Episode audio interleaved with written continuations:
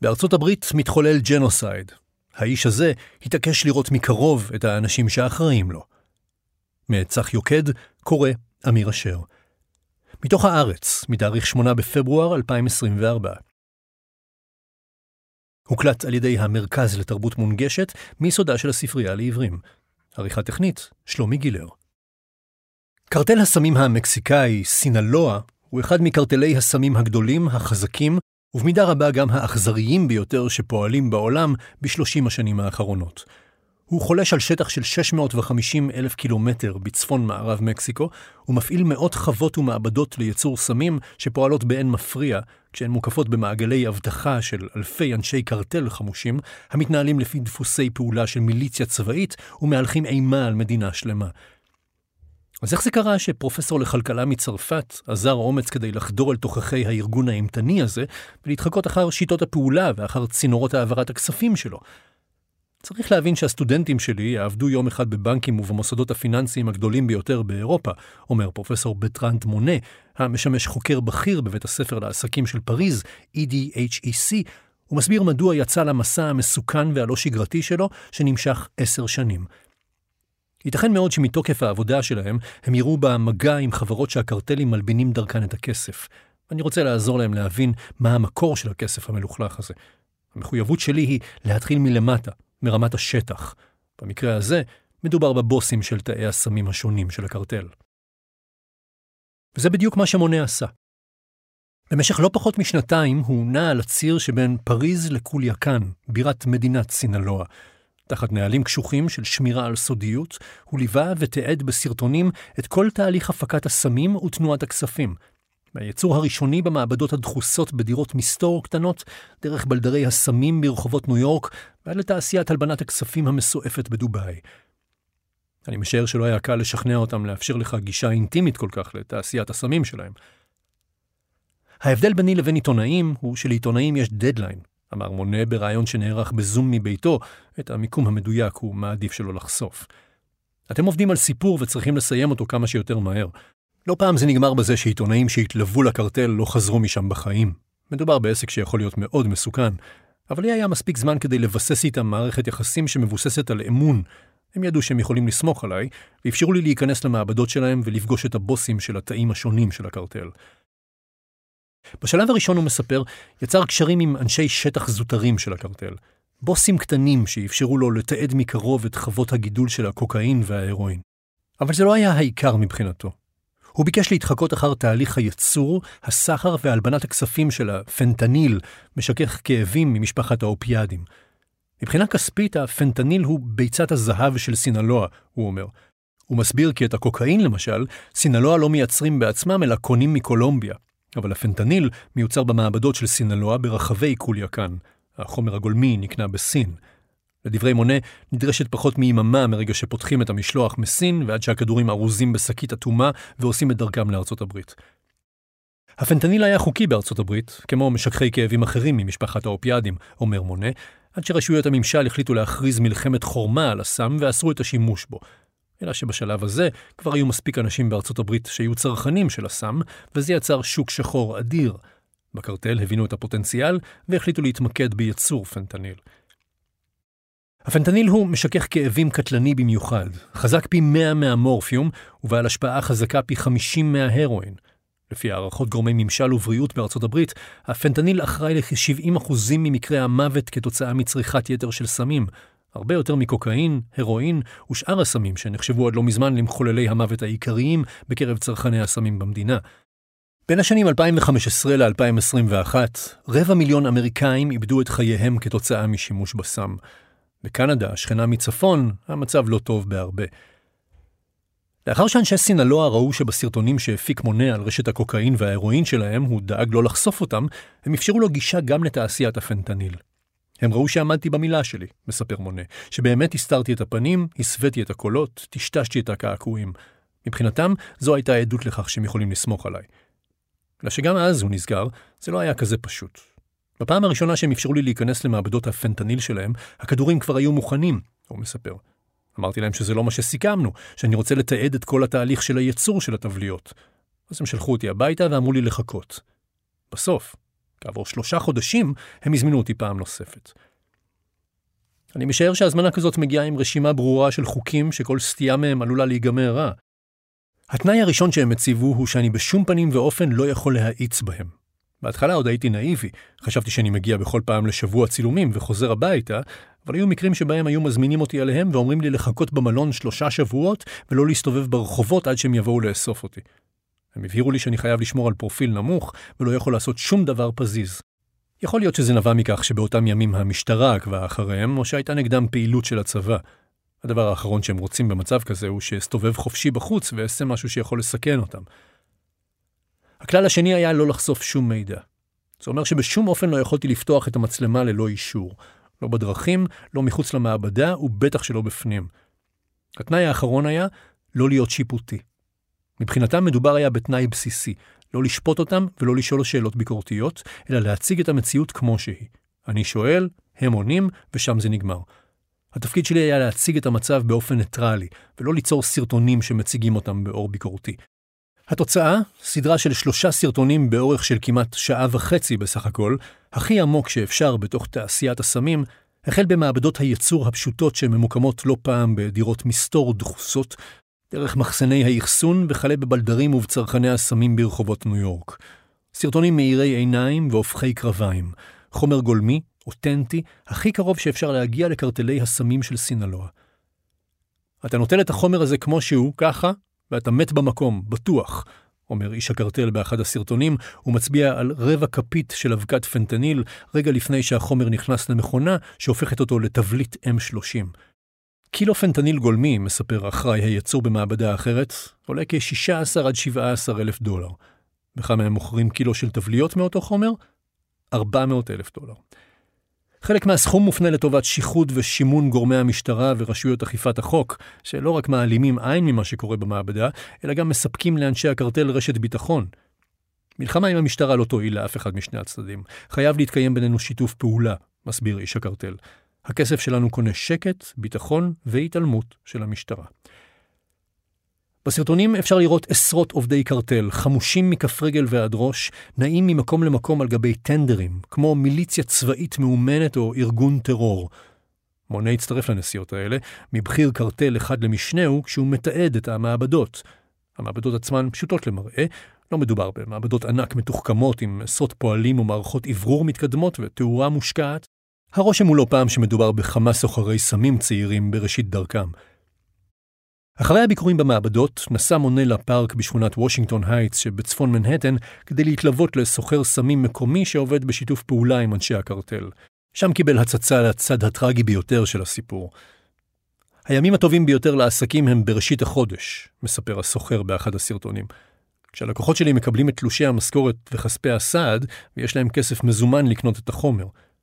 לדבריו, הוא יכול להרוויח כ-4,000 דולר בכל לילה. אחת מהלקוחות שלו היא אישה בשנות ה-40 לחייה. לדבריה, היא מכורה לפנטניל כבר 13 שנה.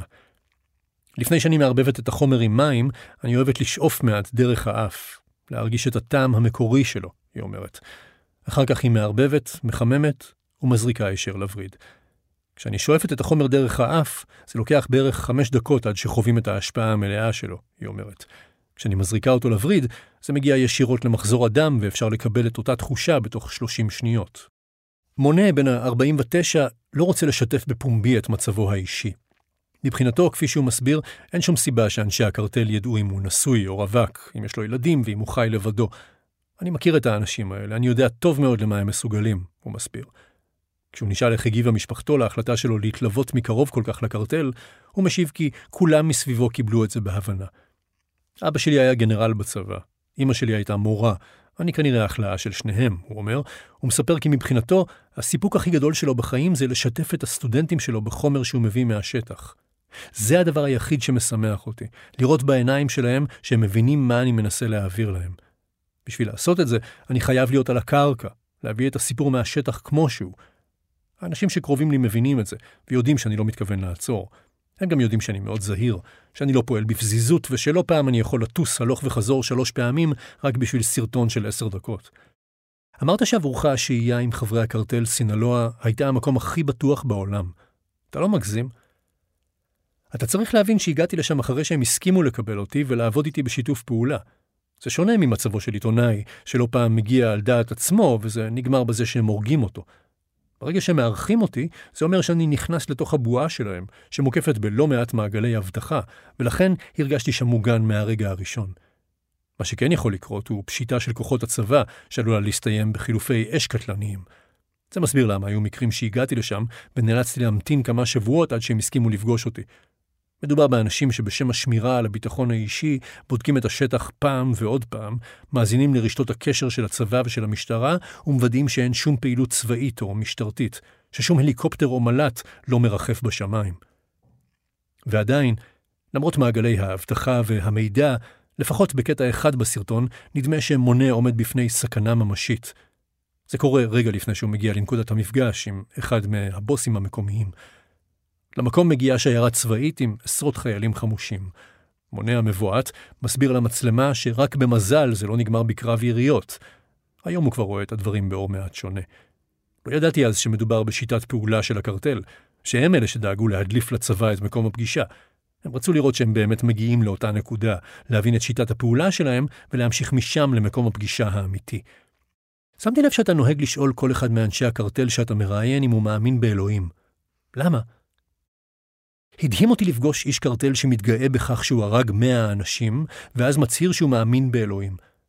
מבחינתי השאלה הזאת חשובה, כי אני לא רוצה שהסטודנטים שלי יחשבו שמדובר באנשים שחיים על הירח, אלא שהם בדיוק כמונו, אנשים עם אמונות, רגשות, תפיסות, בדיוק כמו לאנשים נורמטיביים. אני גם סבור שבדרכם שלהם הם מאמינים באלוהים. אני חושב שזו הדרך היחידה שבה הם יכולים להצדיק בפני עצמם את העובדה שהם מייצרים סמים שמביאים להרג של אלפי צעירים בארצות הברית. מבחינתם, הם חייבים דין וחשבון לבית דין של מעלה, לאלוהים, ולכן הם פטורים מלתת דין וחשבון לבתי המשפט בארצות הברית. התפיסה שלפיה הם יישפטו על ידי אלוהים ולא על ידי בני אדם על כדור הארץ, היא דרך יעילה לחיות עם עצמם בשלום. ובכל זאת, ברור למונה שגם אלוהים ויום הדין לא יכולים להצדיק יותר מ-70 אלף קורבנות אמריקאים מדי שנה. מדובר במי שאני מכנה אנשי עסקים קיצוניים, הוא אומר, בניגוד לפבלו אסקובר בקולומביה, שהיו לו שאיפות פוליטיות מוצהרות ושהתמודד ונבחר למקום בסנאט, במקרה שלהם המטרה היחידה שלהם היא להרוויח כמה שיותר כסף כדי לפרנס את המשפחות שלהם. שאלתי את כל מי שראיינתי מדוע הוא עושה את זה, והתשובה הייתה כמעט תמיד זהה, אני עושה את זה כי אין לי ברירה. אז כן, יכול להיות שהם נכנסו לכל זה מפני שלא הייתה להם ברירה, כי הם באמת היו צריכים לדאוג למשפחה שלהם, אבל ברגע שהם מרוויחים כל כך הרבה כסף, זה כבר לא נשמע כמו הסבר אמין. לצד פעילות השטח, עניין את מונה מה עושים אנשי הקרטל עם סכומי הכסף האדירים שהם מגלגלים מדי שנה. הקרטל, הוא מסביר בהקשר זה, לא עובדת בשיטה של פירמידת פיקוד היררכית, אלא יותר כמו קואופרטיב עסקי. זו רשת שמנפיקה מאות הסכמי זיכיון לתאים שמכונים קלאן, ואלה פועלים באופן עצמאי כמעט לחלוטין, בתמורה להפרשה של אחוז מסוים מהרווחים לבוסים הגדולים. להנהלה מרכזית יש שלושה תפקידים עיקריים, מסביר מונה. הראשון, לרכוש את הפנטניל הגולמי מסין, השני, לשחד את הדרגים הגבוהים ביותר, והשלישי, לרכוש מהודו את המכונות להכנת התבליות. כל השאר, החל מהייצור במאות המעבדות העצמאיות לדרך האחסון, הייצוא לארצות הברית והמכירה בקרנות הרחוב, נמצא באחריות של כל תא שמורכב מארבע יחידות שונות. אחת אחראית על הייצור, אחת על האחסון והמכירה של הסם, אחת על הלבנת הכספים ואחת על האבטחה.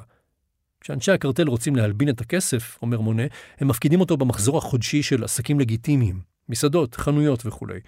כך הכסף מהסמים מתערבב עם הכסף של העסק הלגיטימי. האפשרות השנייה, הוא מוסיף, כבר הרבה פחות מורכבת. הם יכולים ללכת לבנקים במקסיקו ולהגיד למנהל הסניף שיש לו שתי אפשרויות, או להפקיד את הכסף, או לקבל כדור בראש. כשדיברתי עם אנשי הקרטל הבנתי שמבחינתם האפשרות הזאת קיימת רק במקסיקו, שהם לא עושים את זה במקומות אחרים. אבל גם כסף ששוכב בחשבונות הבנק, מדגיש מונה, יכול עדיין לעורר חשד, במיוחד על רקע המלחמה של ארצות הברית באנשי הקרטל. האפשרות המועדפת על אנשי הקרטל היא להוציא את הכסף מהחשבונות ולהשקיע אותו בעסקים לגיטימיים, הוא אומר. בחברות בנייה, קניונים, מגדלי דירות, מסעדות. הבעיה, כפי שהוא מסביר, היא שמדובר במיליארדי דולרים.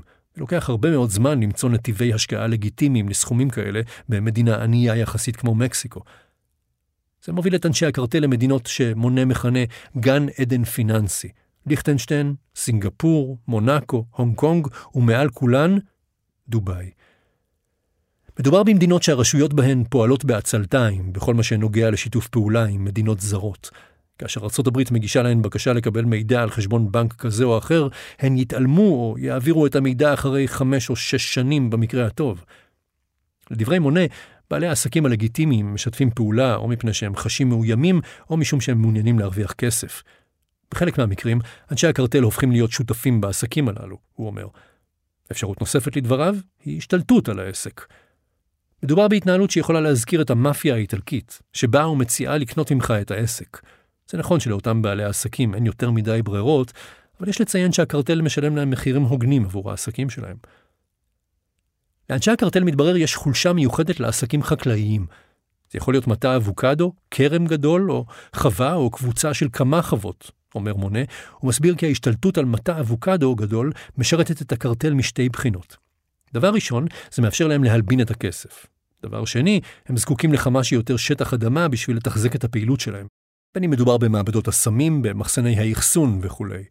ולכן העדפה הקבועה שלהם היא להשתלט על כמה שיותר עסקים חקלאיים שיושבים על שטחי אדמה גדולים. דובאי היא גן העדן המועדף על אנשי הקרטל. תנופת הבנייה האדירה בדובאי והפיתוח הבלתי פוסק במדינה, אומר מונה, מספקים אין ספור הזדמנויות להשקעה של כספי הקרטל במרכזי קניות, בנייני מגורים, קניונים, תחנות רכבת וכולי. דובאי לא יותר מושחתת ממדינות אחרות שנחשבות למקלטים פיננסיים, אלא שבדובאי יש יותר אפשרויות השקעה.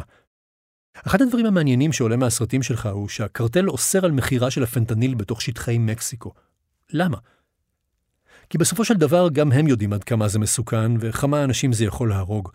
אין להם בעיה לסחור בקוקאין או בהרואין באזורים שנשלטים על ידם, אבל בשום אופן לא בפנטניל. בסופו של דבר מדובר בשיקול טקטי. הם יודעים שאם אלפי צעירים מקומיים ימותו מצריכת יתר של פנטניל, התושבים המקומיים יפנו נגדם וזה לא ישרת אותם. זו גם הסיבה שהם דואגים לתושבים ומסייעים להם. הדוגמה הזכורה לי ביותר היא שבזמן מגפת הקורונה, אנשי הקרטל דאגו למשלוחים של מזון לתושבים וגם של מסכות פנים ותרופות. אפשר לומר שעבור התושבים המקומיים הם ממלאים את מקומה של המדינה בהיבטים רבים.